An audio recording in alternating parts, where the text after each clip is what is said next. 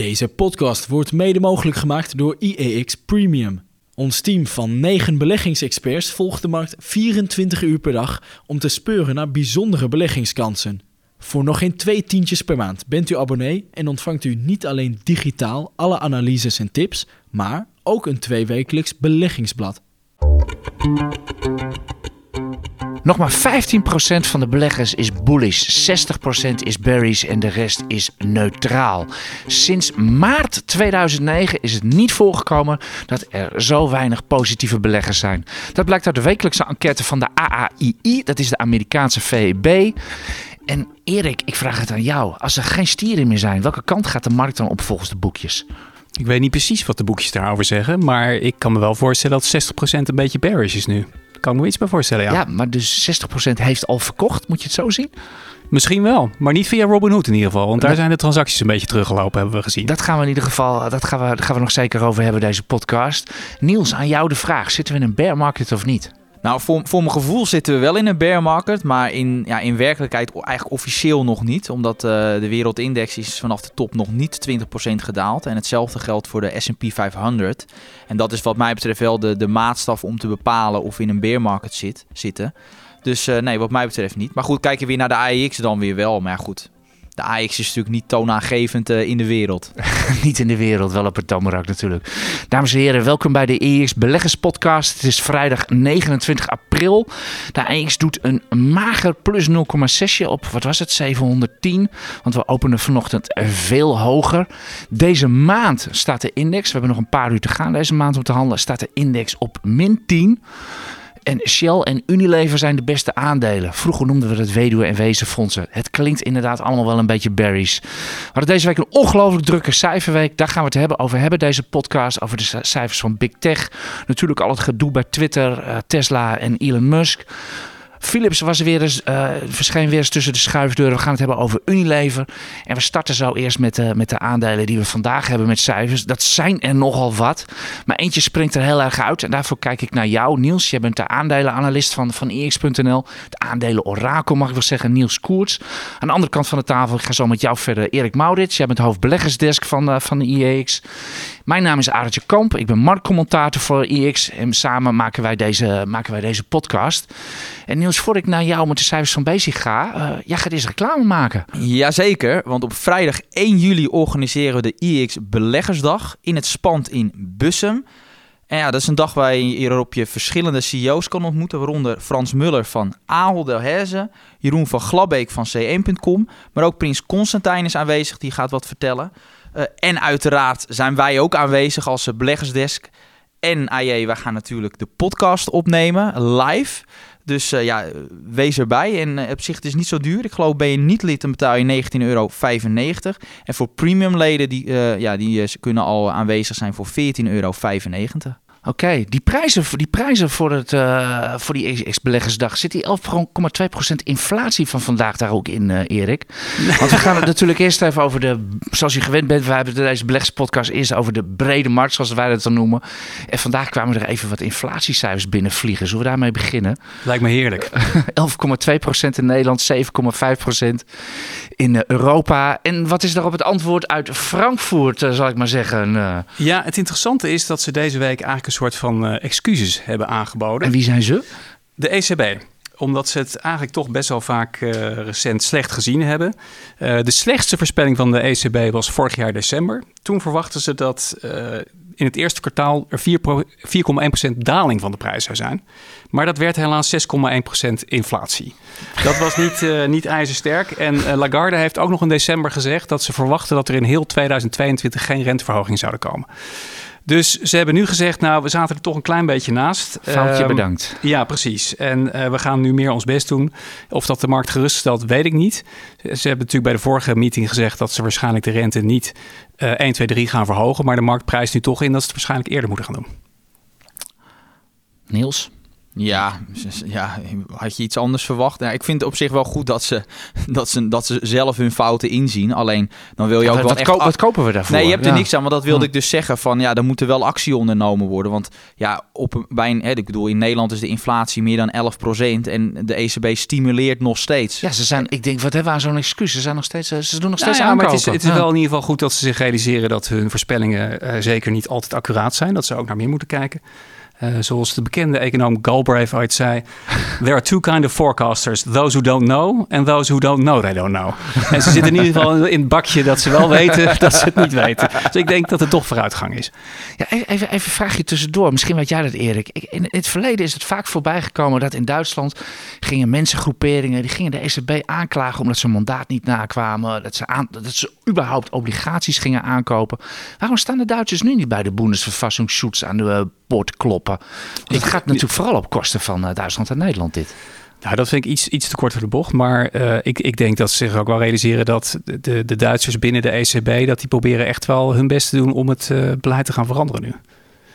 Dat, dat lees je ook steeds meer terug. Ik vind die excuses een eerste stap. Ik, ik denk eerlijk gezegd dat het wel, dat het wel gaat gebeuren, die renteverhogingen. Het, eh, het lijkt niet meer dan logisch met, eh, met zulke inflatiecijfers. Eh, Eens? Oké. Eens. Wat viel jou op op de brede markt deze week, Niels?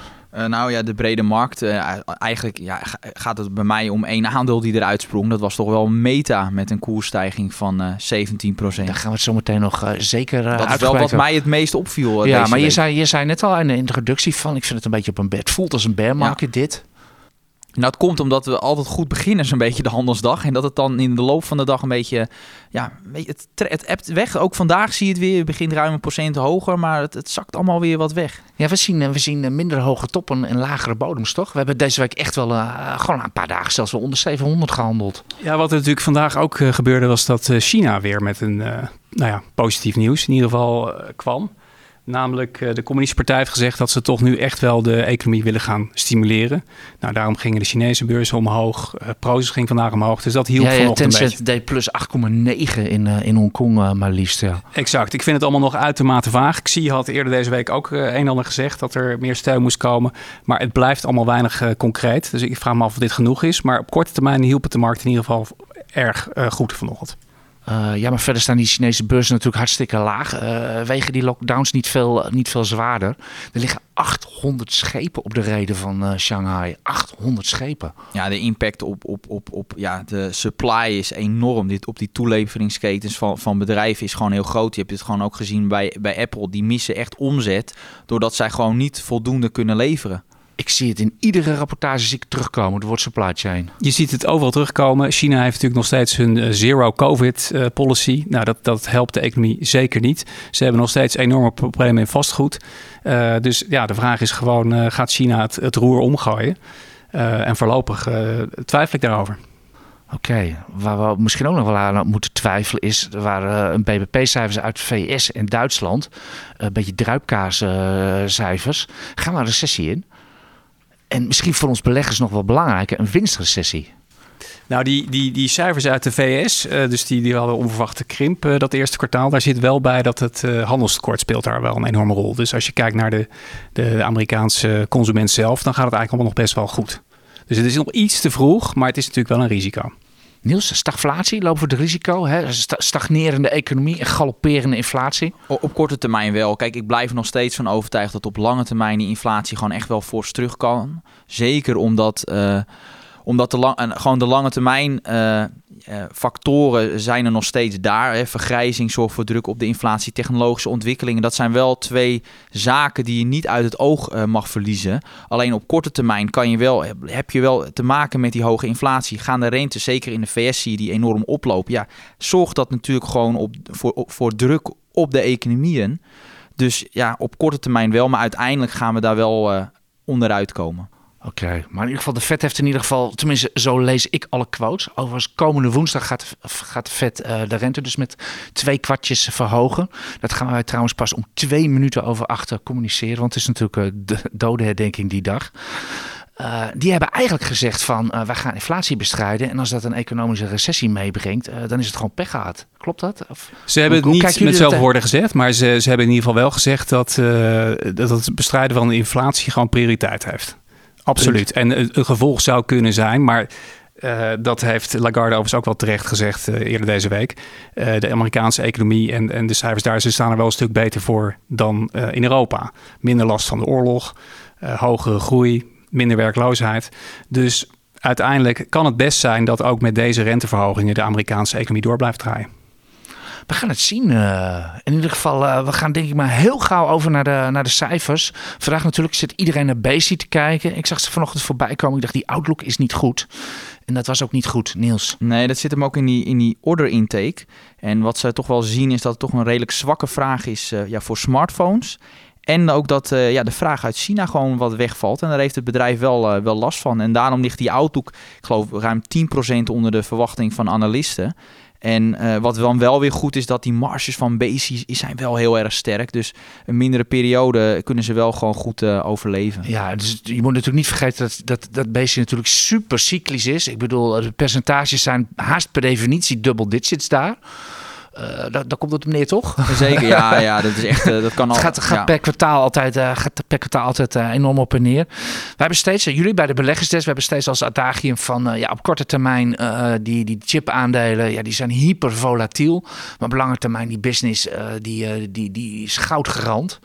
Nog steeds die mening? Ja hoor, maar die visie is daar nog steeds. Alleen je ziet bij dit soort bedrijven dat het op korte termijn, ja, zo'n kwartaaltje, dat kan dan net eventjes tegenvallen. Ja, dat hoort gewoon bij een belegging in Bezi. Uh, maar de fundamentals voor de lange termijn zijn gewoon uh, intact. Ja, geldt voor meer chipbedrijven bedrijf trouwens. Hè. Gisteravond was er ook Intel. We zaten natuurlijk allemaal naar Amazon en uh, Apple te kijken. Was ook Intel, maar die gaf er dus ook een zwakke guidance af uh, voor dit kwartaal. En we hadden vandaag ook IMCD. Dat vind ik zelf een prachtig aandeel, maar daar hebben jullie... Ik totaal niet. Ik, ik ben een tijdje de analist geweest en dat was, ik schreef het altijd met tegenzin. Want ik wist gewoon, ja, ik, ik zit wel met te verdiepen in die cijfers, maar daar leest toch helemaal niemand. Dus dat is echt, dat is echt, ja, dat is echt uh, IMCD. Niemand leest het, maar het is wel een mooie belegging. Hoe, hoe kan dat, hoe kan dat Erik? Dat, dat, dat ja, aandeel zijn... is nog geen tien jaar genoteerd. Er zijn doet werkelijk prachtig. Nou, in ieder geval, als, als, we vandaag, naar vandaag kijken, er zijn zoveel cijfers. Er is zoveel nieuws. Er, er komt ongeveer uh, om het half uur komt er wel weer een nieuwe premium analyse uit van een van de topaandeel. En uh, soms uh, vallen er dan net een paar aandelen wat minder. Ja, wat bij IMCD denk op. ik ook meespeelt, is dat het een, het heeft een vrij hoge waardering en het is een ja, distributeur van chemicaliën. Voor heel veel mensen is het toch lastig om een beetje die business te begrijpen. Dus als je dat meer moeite hebt om, om die business te begrijpen, ja, dan ga je er ook niet in beleggen. Dus ik denk dat dat ook meespeelt. Maar toch is er wel een theorie. De meeste mensen weten helemaal niet wat bedrijven doen, joh. Ik, je, je had het over de beleggersdag. Ik heb eens op een beleggersdag staan praten met iemand die had miljoenen in Fugro zitten. En die had geen idee wat ze deden. Ja, dus, klinkt, jou ook, klinkt jou ook bekend voor, uh, Erik? Nou ja, of niet? miljoenen in een bedrijf waar je niks van af weet. Uh, uh, Elon Musk doet dat ook trouwens. Miljarden in een bedrijf waar die... Daar gaan we het nog over hebben. Ja. Nee, maar goed, ik, ik denk dat de meeste beleggers het wel weten. Maar er is wel iets voor te zeggen dat misschien die saaie aandelen op de lange termijn best het goed doen vaak. saaie degelijke, relics, uh, nou noem ze maar op. Die ja, doen het dat leest ook trouwens niemand. Die, daar schrijf ik ook een stuk over, dat leest ook helemaal niemand. Heineken ook niet, hè? Nee. Valt ook tegen, maar dat ja. komt omdat we dus uh, wat echt wel positief over App InBev uh, zijn. En dan zie je dat toch wel onze leden dan ook de overstap maken van een Heineken naar een App InBev. Oké, okay, ik, heb nu, ik heb mezelf nu twee minuten rek ge gegeven, maar ik moet nu toch echt de naam noemen. Signify, ik heb daar zelf helemaal niks mee. Maar daar hadden ook cijfers. Niels, jij kan er wat over vertellen. Ja, wat je ook weer eigenlijk hetzelfde verhaal, ook wat met, met Apple speelt, dat die toeleveringsketen is wel een dingetje, want die vraag is gewoon heel sterk. Uh, wat ik wel knap vond, is dat ze dus een omzet met 6% wisten te laten groeien. Dus dat is een uh, vergelijkbare omzet. Dus dat is echt wel, wel sterk. Alleen ook nu die vrije kaststroom viel me wat tegen. Uh, ze handhaven wel de outlook. Dus dat, dat is ook de reden waarom het aandeel toch wel positief reageert. Ja, doen trouwens alle bedrijven vandaag. Er zijn een stuk of acht hier op Damrak met, met cijfers. Ze handhaven allemaal de outlook. Ja, ja. ja dus maar goed, ja, wat me sowieso wel, wel aardig is om te vertellen... dat Signify is natuurlijk een afsplitsing van, van Philips... En in het begin was echt het grotendeel van die omzet werd bepaald door de verkoop van gloeilampen. Nou, dat is nu nog maar een zesde deel van hun business. Dus dan zie je hoe dat bedrijf is getransformeerd. Hè. Ze zijn, zitten nu veel meer in LED-verlichting. Uh, dus hoe, dat bedrijf toch uh, ja, is, is veranderd. Ja, maar dan was het vooroordeel toen het bedrijf ook naar de, naar de beurs kwam van ja, ledverlichting, dat kan je één keer verkopen, gaat nooit meer stuk. Dus hoe gaan die ooit hun omzet laten groeien? Erik? Ja, nee, ja. is, ik, is, is die vraag nu ineens niet meer? Of, eh, Nou ja, ik hoor, Nee, maar heel- ze, ze doen natuurlijk veel meer. Dus, hè, naast dan dat ze voor de consument eh, lampen verkopen, dus ook aan meer eh, grotere projecten eh, waar ze aan meedoen. Dus ja, echt is, eh, lichtsystemen ook. Ja. ja. Dus die technologie van hun is ook gewoon, gewoon goed. Dus ik, ik vind dit een heel mooi bedrijf. Het is eh, ook niet zo heel hoog gewaardeerd. Dus eh, Nou ja, en zoals je al zei, de Outlook is gehandhaafd. Dus wat dat betreft eh, genoeg mensen die nog een nieuwe ledlamp willen kopen, blijkbaar. Ja, ja blijk, blijkbaar toch wel.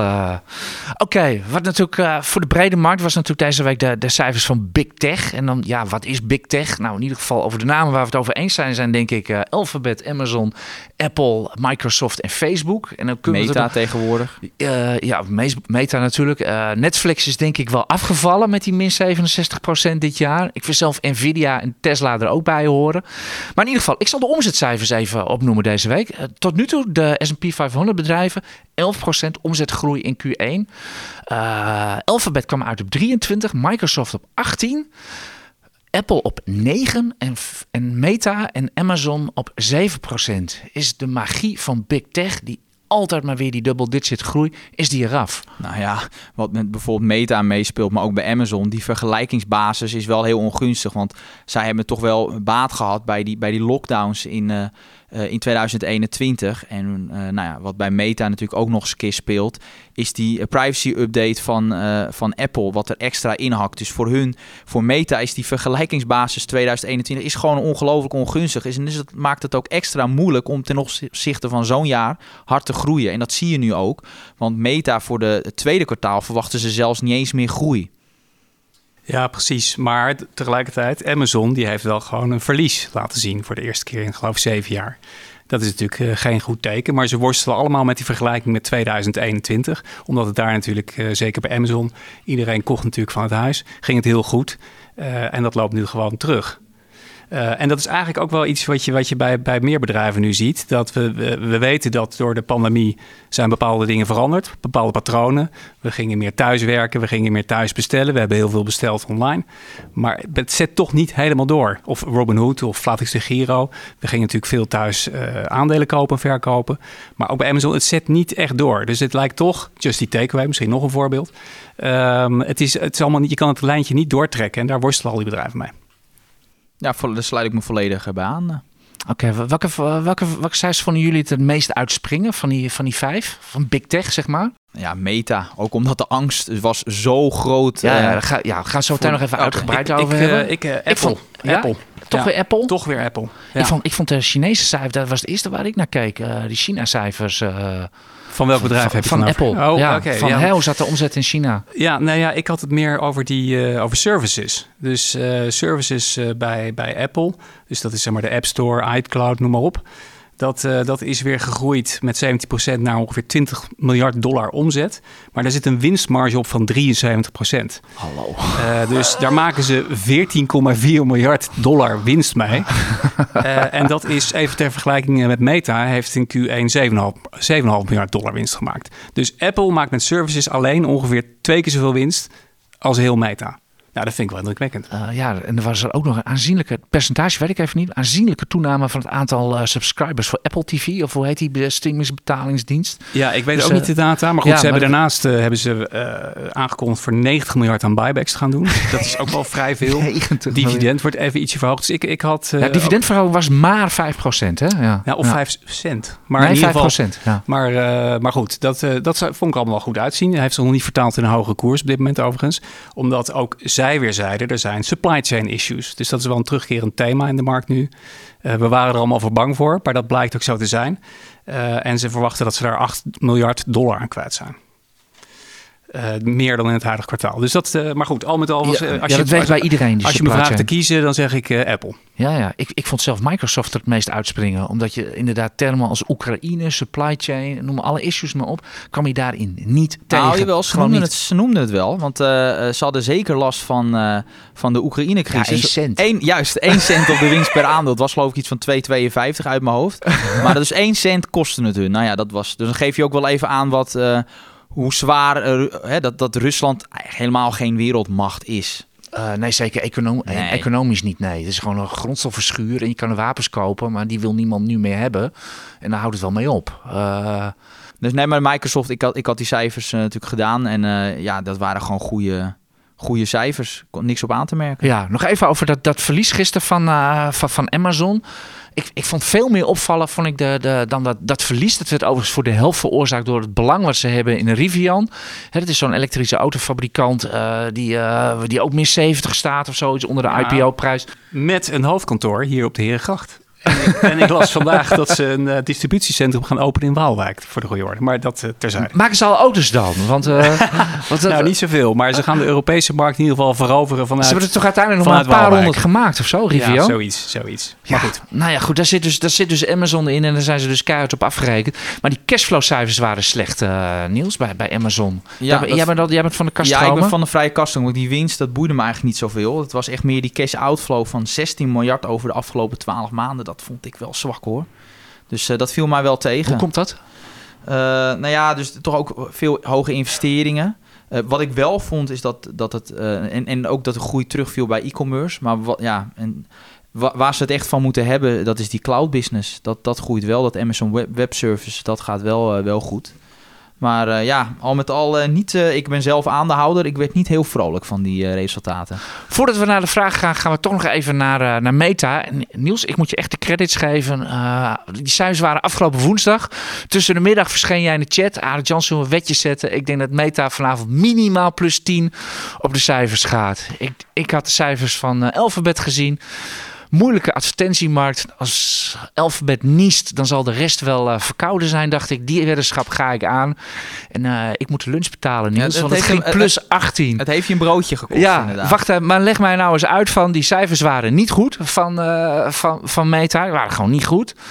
En uh, toch deze koersreactie. Jij gaat het allemaal nou, uitleggen. Niet goed, gaat me wat te ver. Het is, noemen we, dat noemen we in analistentaal een mixed bag. Dus er een deel van nee, de ze cijfers... hadden gewoon de verwachtingen niet gehaald. Nee. En, en, en de outlook onderkant verwachting. Ben ik het niet met je eens. Kijk, ja, de, dat is een feit. De outlook was slechter dan verwacht. Maar er waren wel degelijk ook onderdelen van dat cijferrapport... dat wel beter was dan verwacht. Dan hebben we het bijvoorbeeld over de winstgevendheid. Uh, de, de, met, zeker met dat... Uh, Meta, die metaverse, daar verbranden ze minder geld uh, mee dan in het vierde kwartaal. En is dat wat... juist niet een heel slecht teken? Dan moeten ze toch juist op investeren? Nou, dat levert tot nu toe vrij weinig omzet op. Dus ik vond het wel prima dat daar gewoon even wat minder geld werd verbrand. En wat veel belangrijker was, was dat het aantal uh, dagelijkse actieve gebruikers weer in de lift zat. Ik geloof dat het uit mijn hoofd 2% steeg. Oh, 3% dat mag goed. Ja, oké, okay, 2 à 3% op, op kwartaalbasis.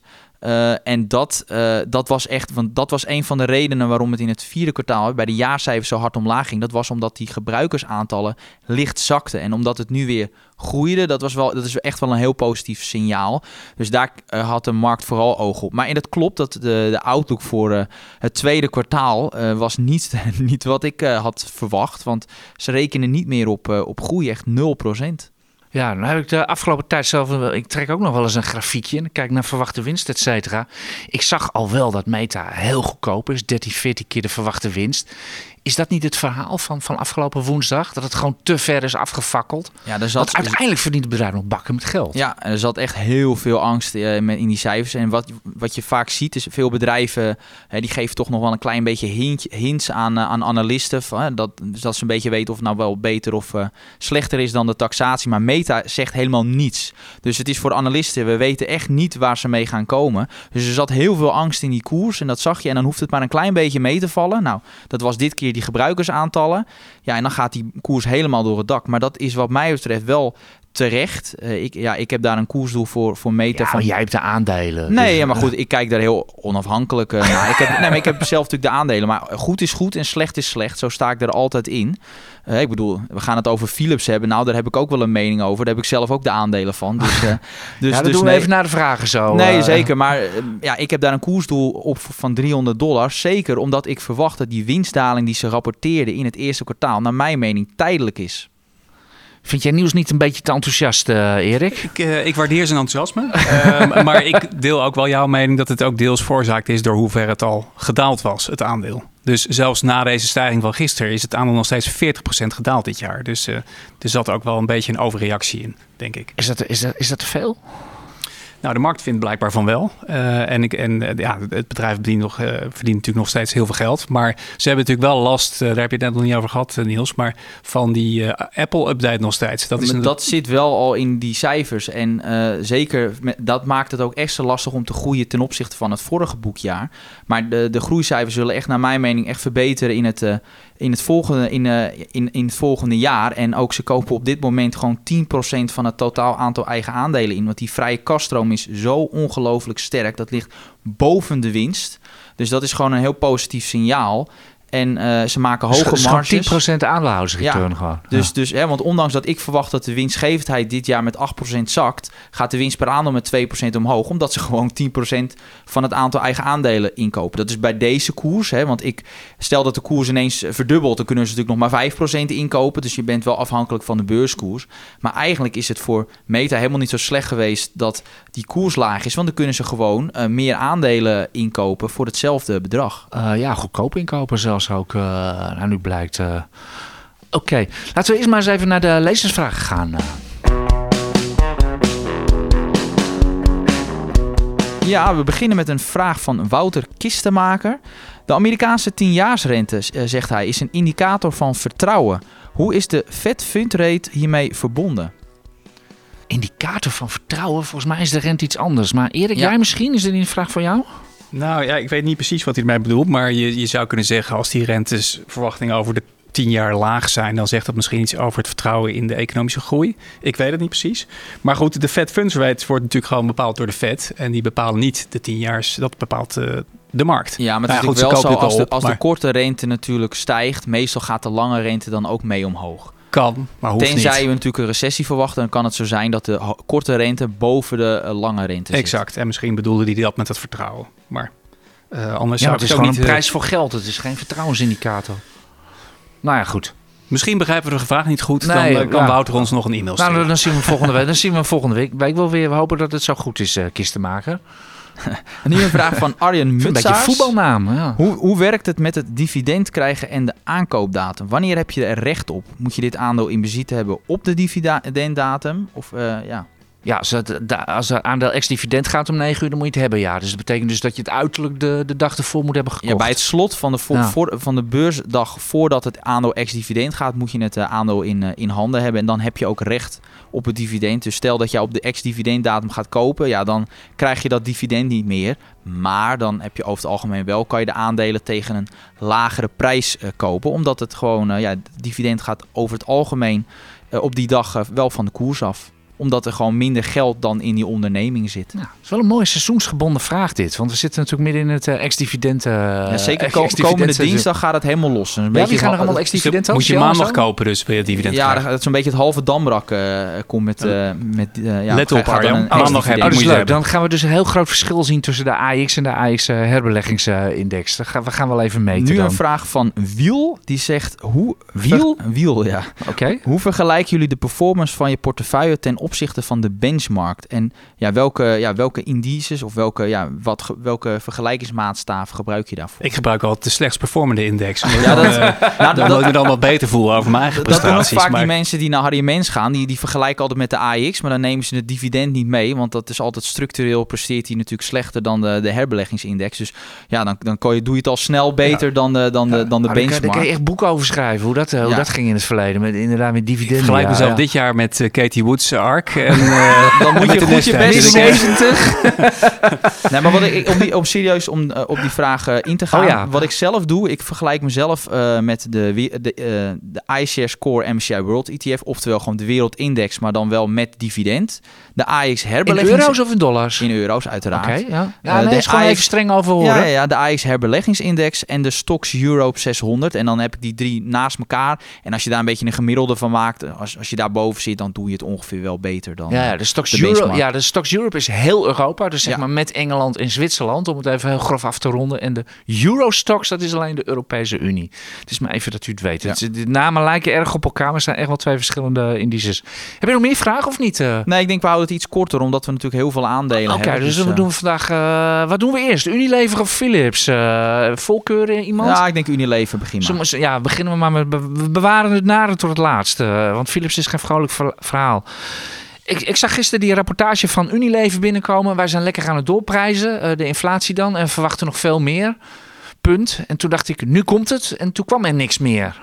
Ja, maar dat, zo werkt dat bij een trading update van Unilever, eh AJ. Want daar worden geen winstcijfers over het algemeen eh, nou ja, ik zat meer aan wat andere dingen te denken. eh, gelet op waar bijvoorbeeld enkele boze aandeelhouders het over hebben, et cetera. Ja, zeg maar wat meer strategische opmerkingen had ik eigenlijk verwacht. Want Unilever staat natuurlijk aan alle kanten onder grote druk. Om vooral die, want daar komt het natuurlijk op neer. Gewoon die omzet gewoon structureel te verhogen. Maar daar kwam ik helemaal niks over tegen.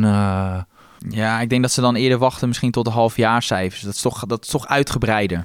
Nou kijk, maar die cijfers waren niet zo slecht natuurlijk hè, van, van Unilever. Die waren vrij, vrij goed. Omzet groeide, et cetera. Eh, maar het probleem was inderdaad dat zij denken dat ook in de tweede helft van het jaar... eh, de inflatie zelfs nog hoger gaat worden. En dat was een beetje een negatieve verrassing. Want bijvoorbeeld Axo die zei dat ze juist dachten dat eh, de inflatie zou afnemen. Net als de ECB, maar daar hebben we het over maar, eh, nee, maar goed, dus dat, dat is wel... Een, Die gaan er weer excuses voor aanbieden straks. nou ja, dat is in ieder geval de, de reden dat, eh, dat het toch niet zo goed ontvangen werd, die cijfers. Ook al waren ze qua, nou ja, de, gewoon de cijfers op zich waren prima. Ging het aandeel niet omhoog die dag? Ja, maar het, het viel amper op. Oké. Unilever ligt overigens deze maand wel goed. Ja, Shell en Unilever zijn de beste aandelen op het Damrak eh, deze maand. Ja, dat zegt eigenlijk wel genoeg voor oldschool beleggers. Maar is het, is het niet zo dat Unilever meer gewoon dat ze even conservatief willen zijn? Hè, dat, dat, dat, ja, je wil toch als bedrijf meevallen. Dus als je nu al een beetje voor het slechtste ja, mogelijke precies. Dat ook waarschuwt, dat we dan kunnen zeggen, nou het Ja. viel toch mee eh, die kostenverhoging. Ja. Maar goed, en, en terugkomend op die, eh, die inflatie. Ze hebben hun eh, verkoopprijzen in het eerste kwartaal met 8,3 procent eh, zien stijgen. Eh, dat is het hoogste in 20 jaar. Dus het is wel echt... Ja, de kosten Nou zijn ook eh, ja. sneller gestegen dan... Ja. eh, nee, dat, ik maar zou- dat geeft ook ja. wel aan hoe, hoe structureel dat probleem van die omzetgroei bij, bij Unilever is. Nou ja, en, Ja. en dat geeft ook aan dat het, eh, het probleem van inflatie er ook echt is voor al die bedrijven. Of in sommige gevallen is het gunstig, maar in de meeste gevallen natuurlijk niet. Eh, nee, zien jullie trouwens al eh, kleinere verpakkingen, et cetera, in de super? Ik kom supermarkt. Shrinkflation, dat je hetzelfde koopt, maar dat je dan minder Ja, inhoud ja, dat is, krijgt. ja, hebben ze een nieuwe, hebben ze nieuwe hippe verpakking, et cetera. Ja, en er zit wat in. 20 en dan de minder, Ja, en ja. dan de Ja, kiloprijs, literprijs Ik fors heb dat met de pinda's. Ik weet niet wat dat is, maar die, die zakken zijn ineens kleiner geworden. Dat gevoel heb ik. Ik haal altijd pinda's bij de Albert Heijn. Ik weet niet of meer mensen dat... eh, maar, en dan toen dat de, met nog een behoorlijke prijs. Ik dacht van, nou, dat is... ik denk, nou, op gezond eten bezuinig ik niet. Maar We zullen de CBS, zullen CBS vragen of de pinda's bij de Albert Heijn ook in het inflatiecijfer zijn, eh, zijn eh, meegenomen. Eh, ja, Philips. ik mocht gisteren bij BNR mocht ik wat zeggen over, over, over, over Philips. En ik kreeg natuurlijk gegarandeerd die vraag. Ik was erop voorbereid van... Moet topman Frans van Houten aftreden? Niels, er was deze week cijfers Philips en er was weer een tegenvaller. ja, nee, dat klopt. En het begint met een B. Ja, ja De. En, maar ook weer de manier waarop dat wordt gecommuniceerd. Want ik, ja, ik- Ook weer de manier. Ja, Dus- want ik, het was natuurlijk maandagochtend. Dus ik, om 7 uur 's ochtends ging ik er echt goed voor zitten. En dan, dan pak je die, die headlines, krijg je dan door. Dus ik zat dan al in het cijferrapport. En dan eerst dan hebben ze het over de omzet. En nou, nou, allemaal beter, beter dan verwacht. En dan onderin va- van die bullet points staat dan... Nou, we hebben ook een update over de beademingsapparatuur. Dus nou, dat was gewoon wat er stond. Ik denk, nou, dat is het eerste wat je dan gaat doen. Naar beneden bladeren. En toen zag je nou inderdaad een voorziening van, eh, wat was het? Eh, eh, 65 Ja, miljoen- 150 plus ergens verderop nog Juist dat, 65. was, Ja. juist, dat was dus het ding. Want, Die had ik niet gezien bij de Nee, want ze hadden niet eens eventjes voor, even snel even uitgerekend wat nou de voorziening was. Want je moest echt zelf gaan rekenen. Nou, en dan hadden ze later ook weer iets weer verstopt. Dus het was iets van 215 miljoen een voorziening. En ja, ook weer de manier waarop dat wordt gecommuniceerd. Het is ook nog te benen de vierde keer binnen 12 maanden. Dus Ja, gewoon klopt. ieder kwartaal is het wel raak. Ja, dat, dat kan gewoon niet. Dat, dat is niet. En ook, ja, dat, dat hoort niet zo. We zijn een jaar verder. eh, Tussen, dus 25 miljard aandeelhouderswaarde verbrand en we weten eigenlijk nog niks. Nee, nee. En ze, ze hadden gewoon zeker al meteen hadden ze gewoon open kaart moeten spelen toen dat probleem naar buiten kwam. Dat het, ja, dat het gewoon echt een serieus eh, issue is. En dat, ja, dat hebben ze bij de eerste hebben ze een jaar geleden echt gedownplayed. En ja, dat, dat, dat bleek steeds maar, het werd steeds maar erger, erger, erger. Ja, en ik, ik, ik, vind als de communicatie zo slecht is, en daar ben je wel verantwoordelijk voor als CEO, ook de communicatie naar buiten uit, als dat zo slecht is en je moet tegenvallen op tegenvallen rapporteren, ja, dan komt er wel een moment dat je gewoon je verantwoordelijkheid moet nemen.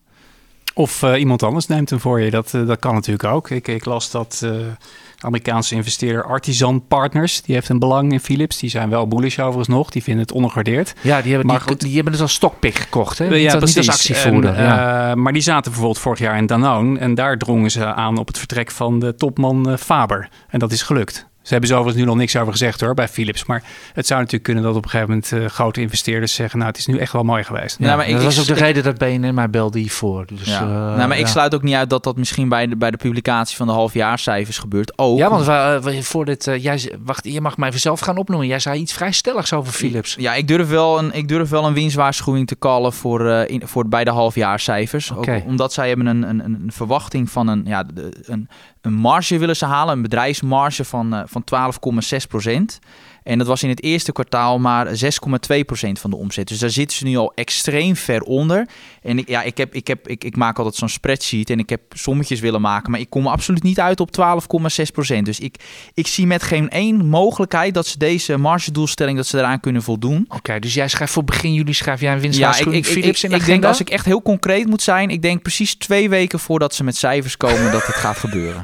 Oké, die zetten we bij deze. En dan Deze- zou dat ja. ook een, een goed moment zijn dat dan de topman zijn conclusies trekt. Maar ja, ik weet niet hoe hij daar, eh, ja, het is, eh, ik weet niet hoe de boord daarin staat. Dat, eh, ja, we kunnen niet in zijn hoofd kijken. We, z- we, we zullen het wel zien. Is, is, is Philips nog wel een belegging eh, op dit moment, eh, Erik? Met zoveel onzekerheden. Je kan je Excels niet invullen. Als, Ja, zeker, dit- zeker als buy and hold belegger niet. Kijk, bedrijven waar zo'n juridisch probleem boven hangt, dat zag je met Bayer, je ziet het eh, vaker, dat is gewoon natuurlijk eh, heel risicovol. Kijk, onderliggend, als ze dit op een manier kunnen oplossen eh, en de redelijk eh, ja. ja. dan is het natuurlijk eh, een koopje. Maar aan de andere kant, als ze elk kwartaal weer met een negatieve verrassing komen, dan moet je misschien even wachten tot er echt meer duidelijkheid is. Ja, Tot- maar het dingetje is wel, kijk, het verschil met Bayer, hè, dat hebben, dat, die, die zijn natuurlijk, helemaal- hebben natuurlijk enorm in waarde gezakt vanwege die Roundup-affaire van met Monsanto. Alleen het verschil is, Philips heeft een hele sterke balans. Dus stel dat daar een enorme tegenvaller is, dan kunnen ze dat nog steeds, kunnen ze dat wel hebben. Ja, het hangt natuurlijk wel af van wat uiteindelijk de claims in de Verenigde Staten gaan Ja, zijn. en Ja, dat ze kunnen, je ze gewoon- kunnen toch iets van weet je 3 miljard hebben zonder dat dit Ja. gevolgen heeft voor Ja, dividend ze en kunnen, echt, ze kunnen een hele hoop hebben. En Bayer kon Ah. bijna niks hebben, want die hadden net die overname gedaan, waardoor ze een enorme schuldenberg hadden. Nee, nou, had Dus- ik, nou had ik van de week wat mensen op Twitter aan mij te vragen... kan ik Philips als overnamekandidaat kopen? Nee. Op deze? Nee, jij Zo bent heel stellig. Nee, en Waarom niet? is, Jij ook? Wa- Waarom? Nou, ik, ik zou het, als je, als je wil speculeren, kan je het gewoon kopen op het feit, zoals je zegt, het is, ze staan er sterk voor, dus ze kunnen wel een stootje hebben. Dat lijkt me genoeg reden. Maar eh, tegelijkertijd, ja, je weet gewoon echt niet hoe hoog die eh, claims of dingen gaan zijn. de Nee, VS. dat, Dus dat, die- is, dat, heb ik ook in mijn onmogelijk. analyse heel duidelijk gezegd. Van, dat kunnen wij niet berekenen. Maar die onderliggende business, dat is gewoon sterk. En ook voor de lange termijn. Hè. Ze, zitten, ze zijn producent van die eh, Ja. hoogkwalitatief hoogwaardige eh, eh, Ja, apparaten, medische apparaten. Nee, ja, precies. betreft, En dat op, zijn alle credits op, voor op Frans die van, basis zou ik, zou ik Ja. speculatief gezien zeker interessant Die vinden. vraag die stijgt. En- niet als En, overnamekandidaat. en ik geloof Siemens Health heeft geloof ik een premie van 90% ten opzichte van. Die is gewoon bijna dubbele gewaardeerd dan Philips. Dus er zit gewoon al zoveel in die koers. Maar als je nu instapt, hou er wel gewoon rekening mee dat die waardering de komende jaren laag blijft. Maar op het moment dat deze problemen worden opgelost, kan die waardering zal dan gewoon uiteindelijk om, omhoog gaan. En, en, en, ja, gaat ook die koers omhoog. Ja, volgens mij krijg je nog kansen genoeg om het aandeel een keer op te pikken dan, Ja. toch? Ja. Ja, ik, het is misschien, misschien ga ik daar eind We dit wachten jaar... even die winstwaarschuwing. Nee, die, eh, ook, nee, ook, maar ik misschien eind dit jaar dat ik Van misschien... eh, 13 juli om 7 uur 's ochtends, of wat is het? dit, dit kan ook wel een heel mooi aandeel zijn. Misschien eind dit, dit jaar dat ik daar wat over ga vertellen. Misschien om een heel mooi aandeel om, om met lange termijn opties op gaan, in te gaan spelen. Nou, dat zien we tegen die tijd wel weer. eh.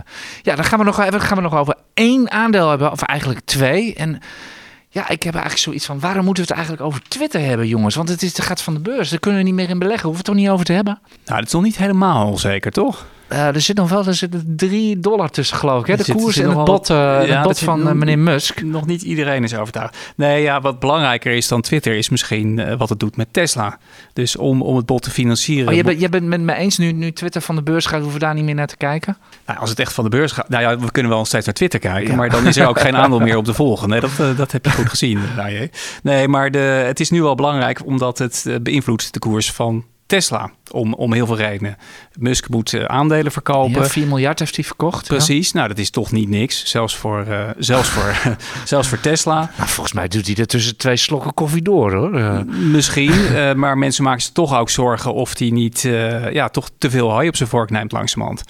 En, en uh, dat zou kunnen, dat het toch negatief uit, uh, uitpakt voor Tesla als de topman alleen maar met Twitter bezig is. Uh, er is ook een idee dat hij misschien nu een beetje chantabel is of wordt door China. Als hij echt de basis van Twitter. Dan kan China zeggen, als ze allerlei dingen zien langskomen die ze niet leuk vinden, kan je daar even mee uh, ophouden, want anders gaat die fabriek ja, uh, of kun je die Of kun je die, die en die mensen even blokken of zo? Bij wijze van. Dus dan sturen we even een milieuteam op je fabriek af of zo, zoiets. Uh. Dus nou ja, de vraag is of, of die dat allemaal op kan lossen. Uh, als iemand het kan, dan is hij het. Laten we dat vooropstellen. Maar er ja, is dat toch... zei Jeff Bezos ook. Hè? Die zei dat letterlijk. Ja. Zo van, uh, die was ook kritisch. Die twitterde dat. Die ja. zei van, maar als iemand hier handig in is, dan is het wel uh, Elon Musk. Jij hebt de aandelen, Niels. Ja. hoe kijk jij tegenaan? Nee, ja, ja, ik heb daar eerlijk gezegd, ja, het klinkt heel gek uit mijn mond. Ik heb daar eigenlijk geen mening over. Dat, Heerlijk. ja, ik heb daar geen... Nee. ben je de enige op deze planeet? Ja, ja, ik, ik, ik, ik ja de, de eerlijke antwoord, ik zie het wel. Ja, maar goed, Als, je, als je het vanuit het perspectief van een belegging bekijkt. Als je moet kiezen zelf en je zou, je zou 44 miljard hebben en je moet het in een social media platform steken, zou je dan het in Twitter steken of in Meta? Nou ja, ik heb op Meta heb ik een strong buy advies en op Twitter een sell, dus dan is het vrij duidelijk. En voilà. nou ja, dan is het dus geen goede investering, denken wij. Waar zou jij het in steken? Nou, eerder in Meta. Ja, ik ook. Ja. Uh, als je moet kiezen. Volgens mij is Twitter, als je kijkt naar hoe groot het is als social media platform, niet eens de nummer 10 van de wereld. En het feit die, dat die cijfers ook van de week ook. Dus ze bakken er gewoon niks van. Het feit dat het bot ook is aangenomen. Ik bedoel, ik was uh, eerder gisteren op, uh, op Koningsdag. En mijn zoontje probeerde dingen te verkopen. En dan had hij als strategie als iemand ongeveer wat hij het waard vond bood. Probeerde nog iets meer uit te krijgen. Maar als iemand echt veel te veel bood, zei hij: Oké, okay, aan jou, jij mag hem hebben. Ja. En dat was hier natuurlijk ook. Hij bood 54,20. Niemand anders wil het hebben. En ja, doe maar. Ja, dat betekent gewoon dat je te veel geboden hebt, denk ik dan. Toch? Uh, ja, ja. Ja, ja, ja ik, ik, had het er niet voor willen betalen in ieder geval. Nee, ik heb het geld ook niet. Nee, maar, maar, goed, hij, hij koopt het ook om andere redenen. En hij, hij heeft allemaal ideeën om die winstgevendheid te verhogen. Maar ik, ik vind het niet de beste investering uit. Is het eigenlijk wel een investering? Of is hij er, is hij er hele andere dingen mee van plan, uh, Niels? Wat denk jij? Ik denk dat hij dit meer gewoon... dat hij andere redenen heeft om dit te kopen... dan, dan, echt, dan echt een, als een echte investering om daar geld mee te verdienen. Dat is wat, wat ik denk.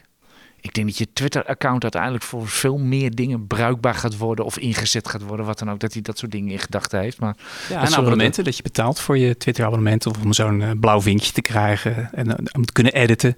Maar ja, of je daar nou een paar miljard mee verdient, ik denk het ook ik niet. Weet het niet. Uh, ik met, met, met anoniemen er eventueel uh, van afhalen, weet ik ook niet of ja. je geld gaat verdienen. Ja. Uh, maar goed, onderschat de man niet. Dat, nee, dat nee, nee. Als je, als je één ding niet en... moet doen, wat dat betreft, heeft hij, wat mij betreft, heeft hij mij gewonnen met de, met de Q1-cijfers van Tesla. Ja, die waren goed. Ik dacht, die waren ik, ik goed. dacht eerst, die man is een wilde, zo zag ik hem altijd, als een wilde ondernemer. En, hij heeft toch in maar, twee jaar een fabriek in Berlijn geopend, in Shanghai. En hij schijnt hele goede mensen te hebben bij Tesla. Dus wie weet komt het allemaal... ja, hij is goed in onderknuppels aanstellen.